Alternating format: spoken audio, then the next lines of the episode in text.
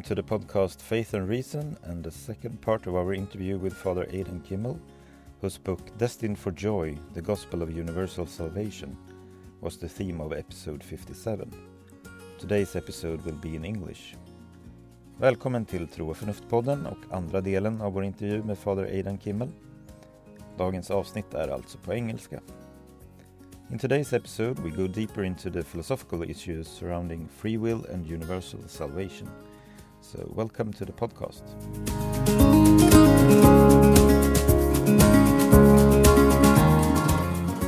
We preach the love of God directly and as powerfully and as radically as we possibly can. And uh, yeah, does that uh, does that make us vulnerable to the charge? Uh, let's sin so grace may abound.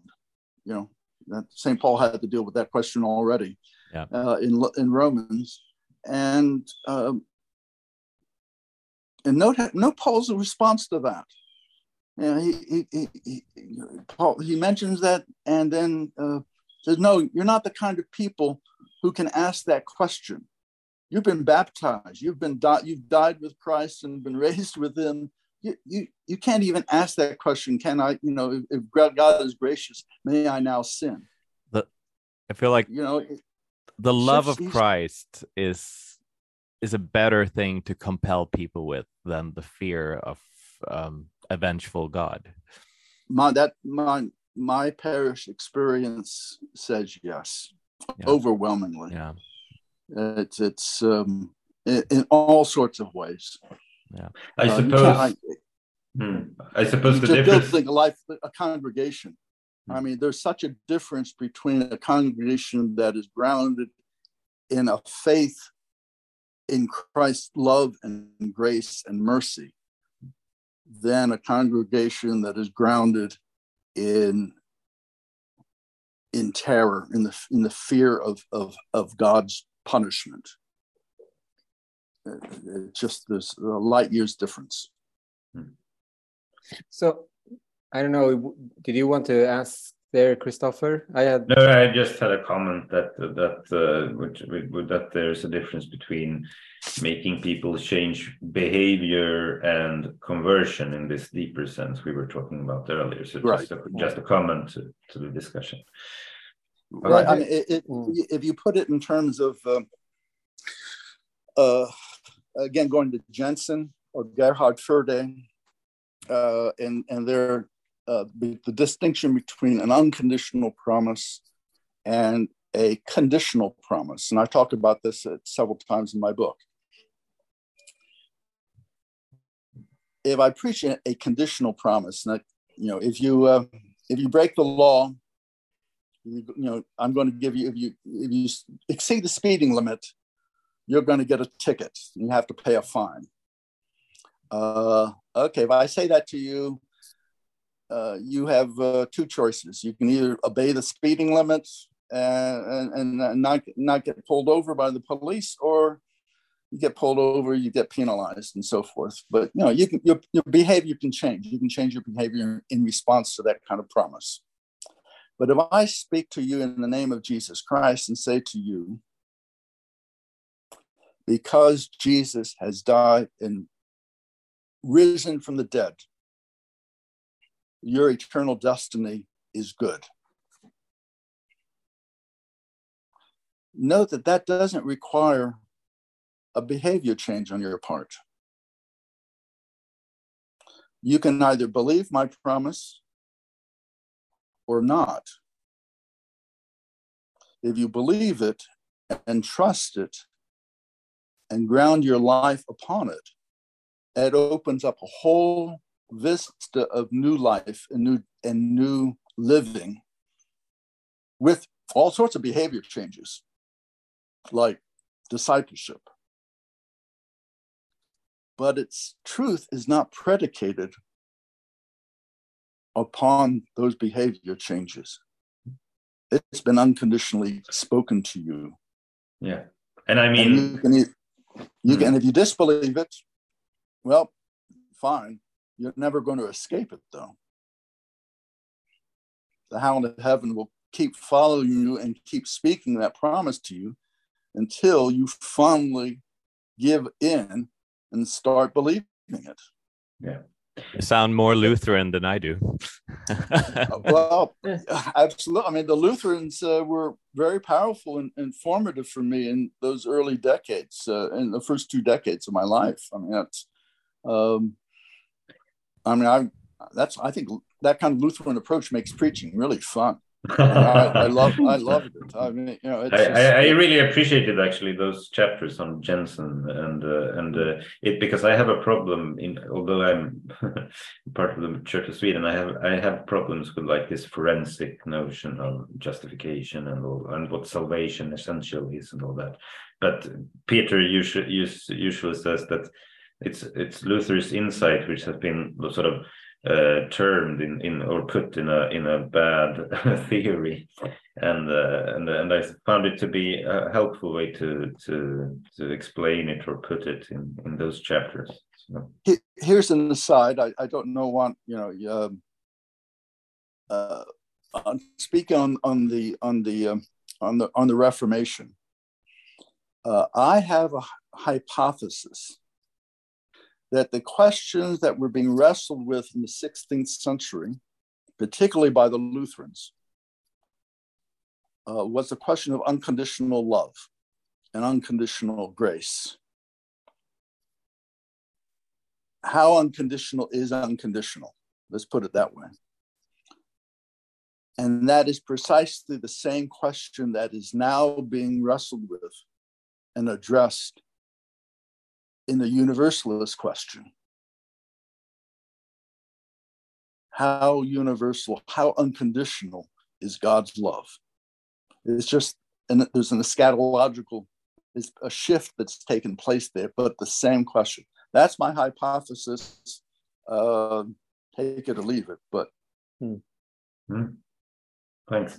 Eric, over to you. Well, I, I didn't know whether I would uh, ask this, but it, uh, just I mean, just to state my my thinking around it, I I I agree with you to a very large extent. I guess I, I in, for the interest of full disclosure, I come from a kind of Balthasarian uh, then then background kind of, and I think that uh, you want you you want to believe me, don't you? I'm in the process. You, you're just you're just dying to oh let right. it be true. Uh, I, and, and, uh, but I, I'm, thinking that it, in the end, there is a kind of still a, a kind of um, there is a very personal and integral relationship between every person and God. And the thing is, we cannot, in the end, say how how that turns out.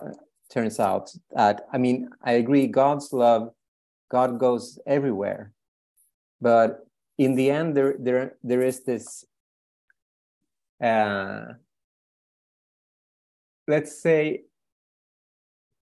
skepticism that doesn't have to do with skepticism regarding God or God's powers, but rather regarding the the extent of my knowledge when it comes to the relationship between God and every person, or rather between every person and God.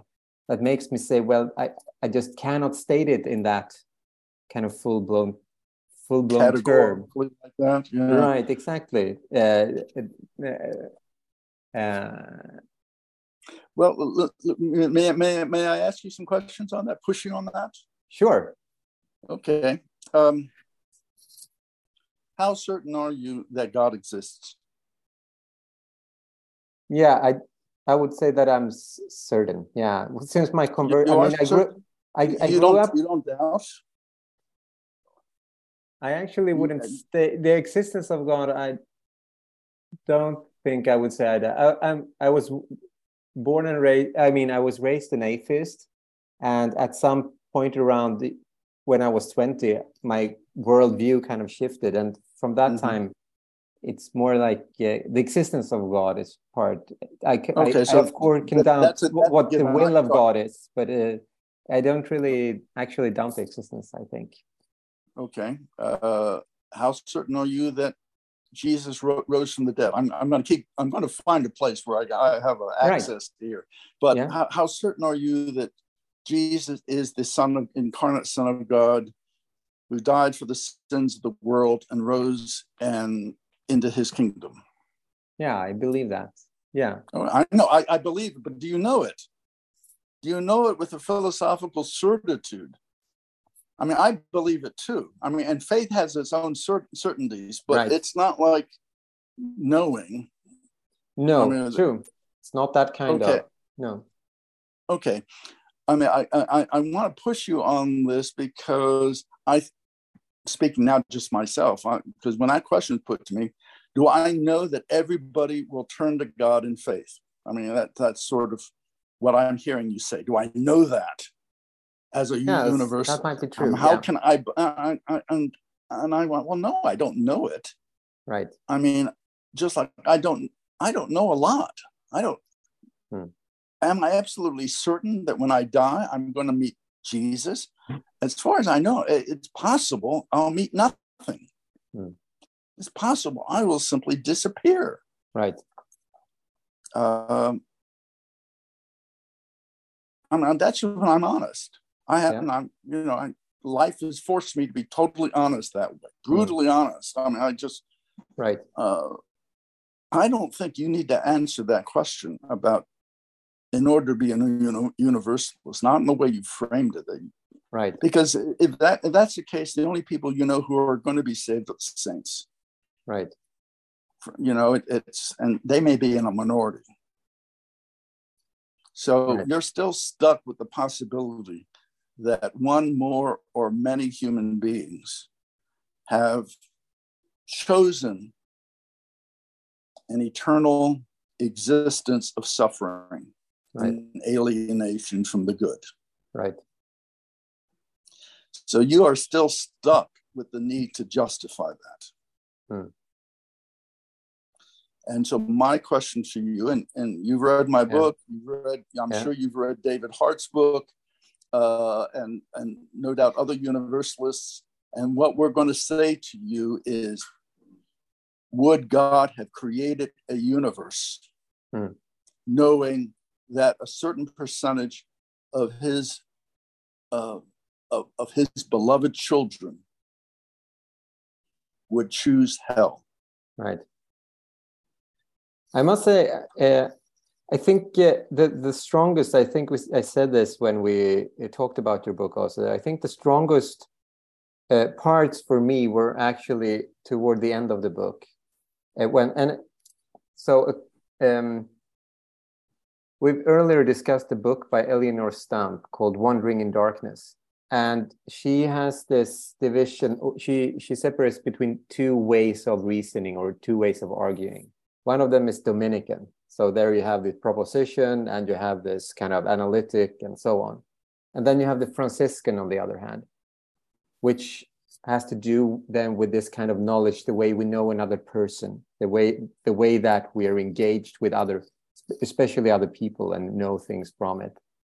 And and part of the argumentation that struck me was the thought of those in heaven who would then have I mean, in heaven there is no suffering, but wouldn't you suffer if your beloved, or if anyone, for that matter, were in in in hell and suffered? I mean, if we think of this state as being a state of total love, of course you have total love for for everyone, or you let it flow through yourself. Wouldn't there be suffering? That was the part, and I, I must say that that that entry i guess that has to do with me also coming from a kind of dominican perspective and acquiring a more oh, D- franciscan D- Dominicans are awful. I mean, I mean, unless, I mean, Herbert McCabe. I- I mean, really, Herbert mean, I mean, McCabe, it- it- right. Is, is when it comes, I mean, when it comes to, I mean, and when it comes to, and I used to hang out with some Dominicans way back when at the Dominican House of Studies in Washington. But uh, when it comes to this question of universalism and hell and eternal damnation, um, they have no access to the kind of concerns that drive me. right So, I mean, they're happy to say, oh, God has his special reasons to accommodate hell for the greater good. I mean, they say that with a straight face. right Um, they are not horrified by what they've just said. Hmm. That God could sacrifice even one person Yeah. for some hidden secret good. Well, that's the same kind of argument that double pre- predestinarians use. Hmm. Um, why, why does God elect some and reprobate others? Well, that, that is hidden, but it's all for the greater good. And Hmm. we're supposed to trust and believe God is absolute love. Hmm. Right. I mean, but Dominicans, I don't, I don't know what it is, but they, uh, it's, it's, I mean, they're great thinkers, and, but I can't talk about the universalist right. uh, hope with them. I mean, it's, and that's why the, that's why Catholics, the reviews on on that all shall be saved. Catholic reviewers always miss the point. Hmm. Right. They, uh, they just Yeah. miss the point. I think that for me would be the way to to that you kind of draw me from a Balthasarian all the Uh, way. Then I mean, it's this Okay, well, It- so it we, is this- got Thomas. em- em- You know, yeah, empathy side, I would say. Yeah. Right. The, the um, And you make a good point. You mentioned about the solidarity Right. of, of Exactly. humankind, Exactly. and if uh, and you know it was Thomas Talbott who I mentioned in his book The Inescapable Love of God, Hmm. who uh, where I first encountered that argument, Hmm. and it, it's a very powerful argument. it is. Um, it's and of course a year later after I read that book, my son died. Hmm. Now, I have to say that perhaps thanks to Talbott, I I would I, I've never worried about the eternal salvation of my son. Hmm. Um, because the love of God trumps all, all my other worries. Hmm.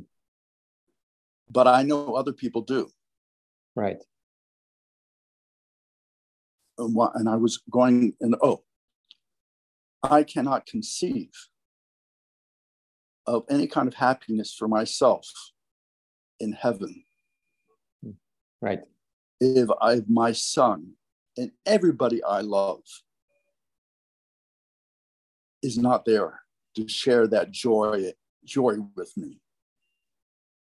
And if I know that one of them is suffering in torment, how can I not be there with them? Right. Yeah. I mean, you know, and and if And that goes for everyone, right? right, and that goes for everybody. I mean, Yeah. everybody's got a mother, everyone's got a father, there's somebody they care about, and Exactly. somebody who cares about them.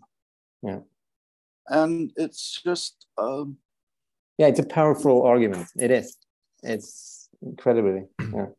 Can I Oh. uh, ask? I, I don't know if I'm the most Franciscan in our bunch, but I thought I'd ask the Dominican question still, uh, because we we talked about uh, like the philosophical arguments for for for um, universal salvation and against it. And as you mentioned in the beginning, and this was also one of my first like because I've had many ups and downs on this issue during my theological formation but i read the great divorce by cs lewis and he he makes the case that most other let's say infernalist defenders use which is that uh, for love to be um, to exist at all to be a possibility we have to be able to resist god's love uh, Right. and and you know as he says in the great divorce that in the end there will be two kinds of people those who say thy will be done uh, done to god and those who um who god says to them thy will be done and Right. and that sort of that's that that is a necessity that, that for for there to be love there needs to be a truly free will in a libertarian sense i guess. And then that um what do you make of that argument? That that the Well, that- will first, that was, uh, of course, as I mentioned, that that's what I believed for a long time. Uh, and that's how, how I always explain to my congregations uh, what hell is, how hell is possible. Uh, I think that's a very powerful argument. It's a very persuasive argument. Uh, I, I assume there's a but here. yes, there's a but. Obviously, there's, there's a but. And, but I can also conceive of a, a beauty, an infinite transcendent beauty that I find irresistible. And I can conceive of a truth that I find absolutely um, overwhelming and and and that's not the right word what's the word i want to i can't think of the right word but utterly compelling mm-hmm. that just conquers my resistance uh, I, I fell in love with my wife uh, how free was I in that? Uh, at that time, quite frankly, I wasn't free at all. I mean, she was utterly captivating, totally irresistible. Um, why? And, and, see, I think that the, the challenge then goes back to the libertarian to explain uh, those that consideration here because the libertarian has to be able to say you can always do otherwise you must be able to do otherwise well that that doesn't explain the saints then in heaven Every, we all agree that the saints in heaven cannot reject god that is beyond their cap- capability and yet they are utterly free Hmm. How do you explain that?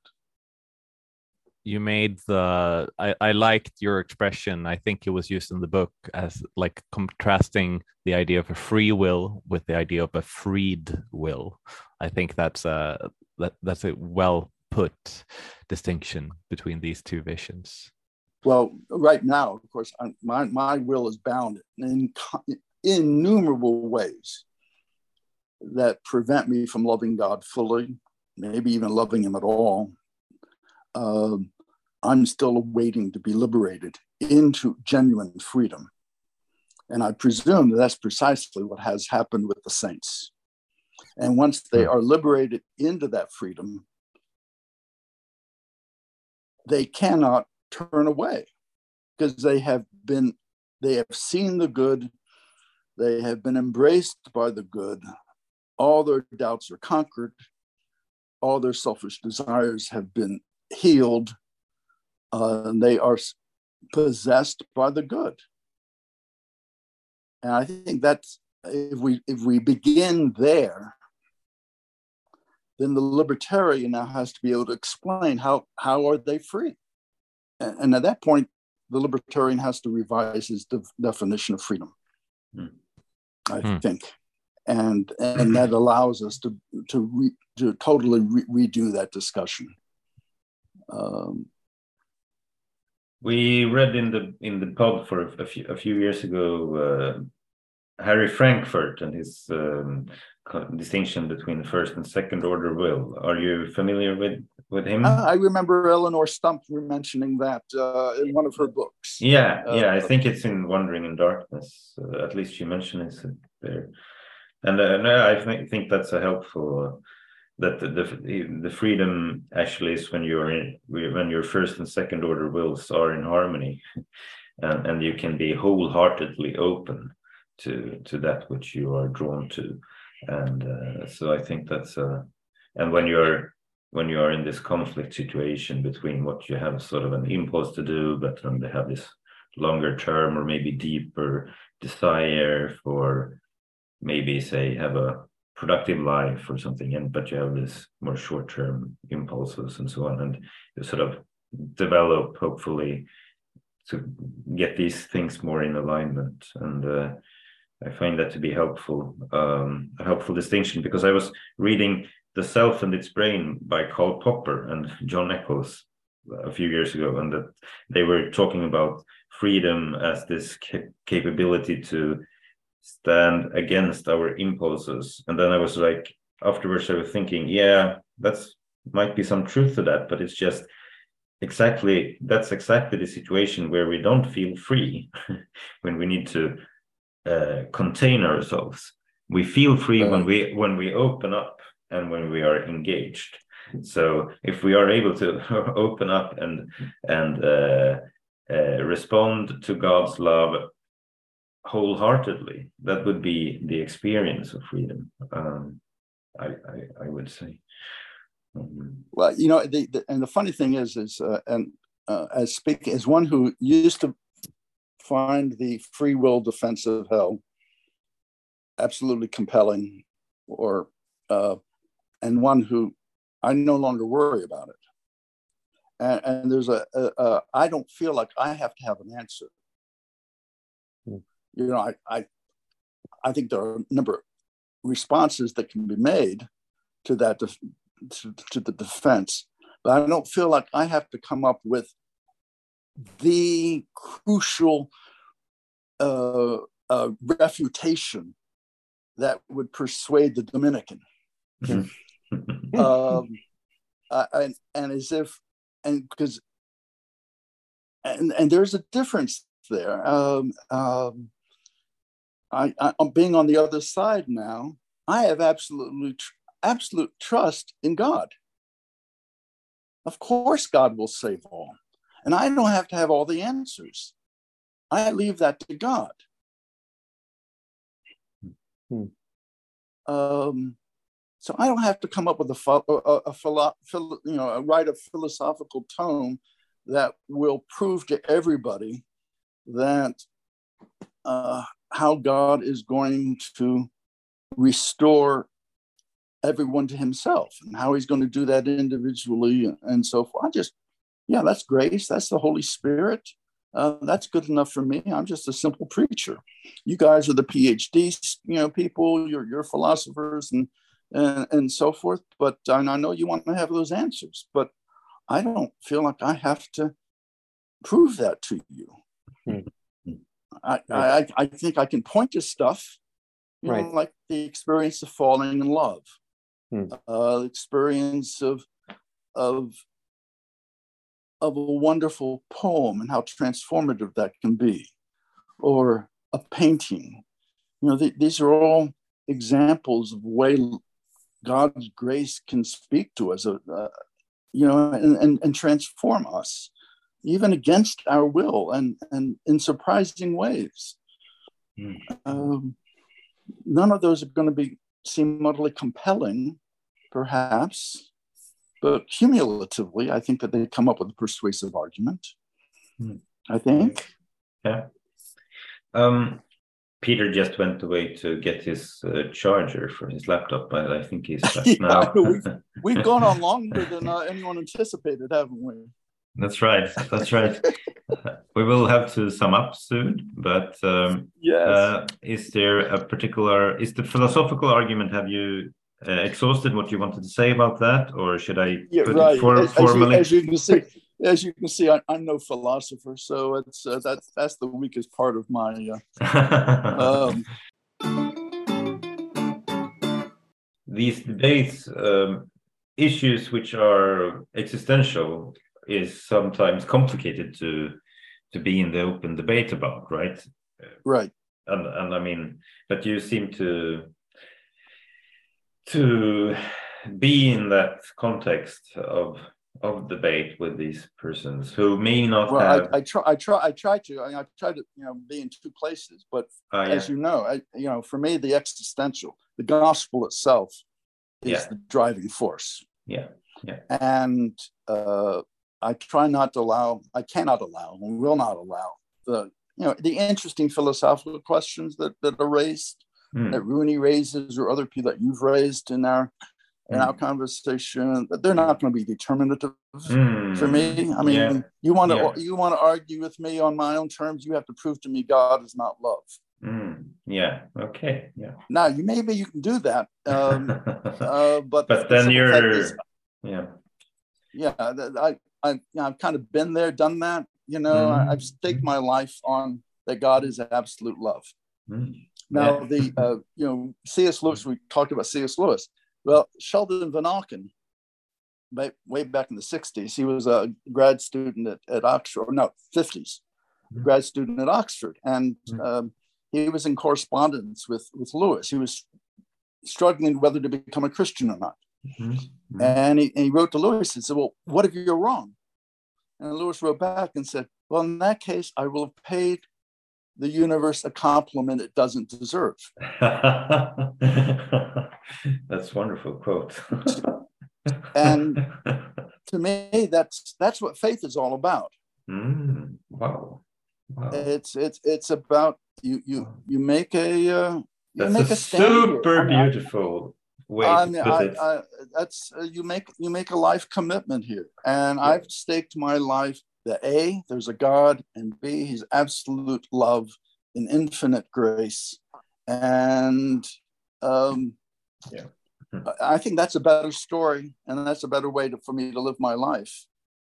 Yeah. Uh, C.S. Lewis also turned uh, addresses that theme in his book, in his uh, The Silver Chair, mm-hmm. in one of the Chronicles Narnia. of Narnia. Yeah. yeah. And, I think you quoted in the uh, book. Yes, right. You you get uh, you know the Puddleglum Company are, are entrapped by the witch, and they they they're the bewitchment is that Narnia doesn't exist. And Puddleglum finally says, "Well, I'm going to live as if it does, because and that's a better way to live." You know, I mean, even if he's wrong.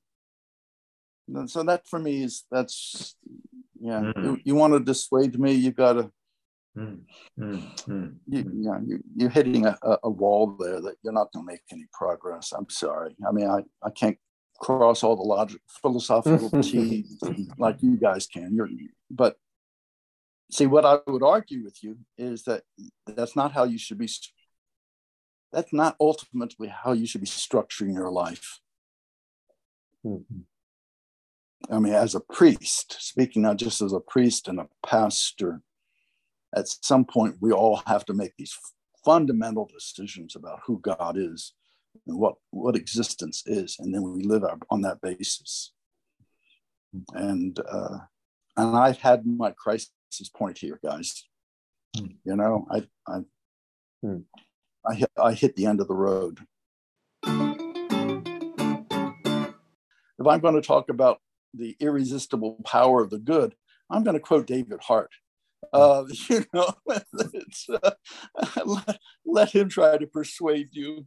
Um, no, I think you're sort of uh, helping people also approach these quite complicated discussions by doing that. Well, so well thank you. I mean, yeah. that, that's what I've tried to do. It's, yeah. Uh, yeah. Uh, try, tried to tr- translate some of these uh, difficult thinkers, uh, you know, and challenging people and, and translate that into an idiom that uh, at least people can partially understand. I mean, let's face it, I'm like dealing with someone's heart. I mean, I can't, I don't understand them. I mean, you know, maybe 30% of the time or something like that, I think I have a decent grasp of his work, but uh, he's a thinker that I do, I'm convinced that, that you know, people need to grapple with and because uh, he has a a deep apprehension of some of these matters that most of us cannot even approach. Um, hmm. so that, that's true for all good hmm. thinkers, right? Mm-hmm. I was very ha- happy about your uh, quotation and explanation of Sergei Bulgakov for the same reason. Oh, oh yes, thank you, thank you for raising him. because he's. Uh, I read him very early on um, in 2013, and uh, that was uh, uh, the, the, that long section on eschatology in the Bride of the Lamb. I mean, that just knocked this knocked me off my feet. I mean, wow, um, very powerful, and uh, and again, it was a very difficult writer. I mean, because I, I I've tried to understand his views on sophiology, and that's kind of be, it's beyond me. But you you don't need to have a grasp of that to appreciate his uh, eschatological reflections. And you know, first he's utterly convinced of the absolute love of God. That just comes out very powerfully. And but then his understanding of the second coming and how in the risen and glorified Christ, in a real sense, we are meeting the most profound truth of ourselves. And that is what is converting to find who we really are and maybe never knew who we were, are until that moment of encounter with the risen Christ. Mm. Um, it's it's uh, very exciting, and uh, thank you for raising that because I I love blogging on on his work, uh, even though I have such only partial understanding of him. Mm-hmm. Is there something more you want to uh, pick up uh, before we sum summarize our discussion? I, I, think I bored you and your readers, uh, uh, listeners. I don't think you have bored us or or our listeners. It's just that there is uh, supposed to be a format for our podcasts, which yeah, is right. Uh, so. But I think uh, we can actually. This is this has been a great discussion. I really appreciate. Yeah. I appreciate it, and I would like to oh. have a discussion with you again if you would be willing uh, because this was very nice. And uh, well, thank you. I'm I'm always happy. You you guys are great, and uh, I enjoyed that. I don't know how you're going to work all this together into. Uh, into That's not a problem. I know know there's going to be a, a lot of editing going on here, but uh, ah, but it's think... been it's been re- oh, a lot of fun. I, I've yeah. enjoyed it. Uh, it as you can see, I I'm very passionate about the gospel yeah yeah and um you know that's and and it's easy for me to fall into slip right into preaching mode here um because but, i want to convert i want to convert each of you to, i want each of you to know the the profundity and power and radicality of god's love and grace hmm. and and to see how that must hmm. logically entail hmm. I mean, this is an argument. Salvation. The argument is a bit like Anselm's, you know, ontological meditation, but from another point and another angle, isn't it? I mean, well, it, it's. Uh, uh, I have a. Uh, I I've been wanting to re, uh, write a article on George MacDonald, mm-hmm. Uh, yeah. who's another one of my uh, favorite universalists. But he at several different points he has little quotations. Like I, I should i can't remember the exact words but basically his we don't hope enough in god. We're always it, that we at some point we say that's too good to be true. Hmm. and MacDonald says when you say that you are blaspheming. Now i want to say that's sort of like a, the ontological argument of anselm I mean, God is never too, you know, can you think of anything that is too good to be true? Mm. You know, and, and, uh, you know, apokatastasis, that's too good to be true. I mean, that sort of, I mean, and we can think of all sorts of reasons why that possibly cannot be the case. But in our best moments, don't we want it to be true? Isn't that what we really would be the most glorious, perfect ending to the story of life and human existence and the gospel story that everything, everybody, an entire indeed the entire cosmos is restored to God in some glorious transfiguration. Isn't that what we want to be true? Sure. In our heart of hearts? Wouldn't that be the best possible ending? Mm-hmm. And if we think that that is, if we can conceive of that, then God can conceive it. God wants that. I mean, He's given us that dream. Hmm. Yeah. Okay, I'm sorry. Thank you. That's a great ending here, also. Great ending, yes. Yes. yes.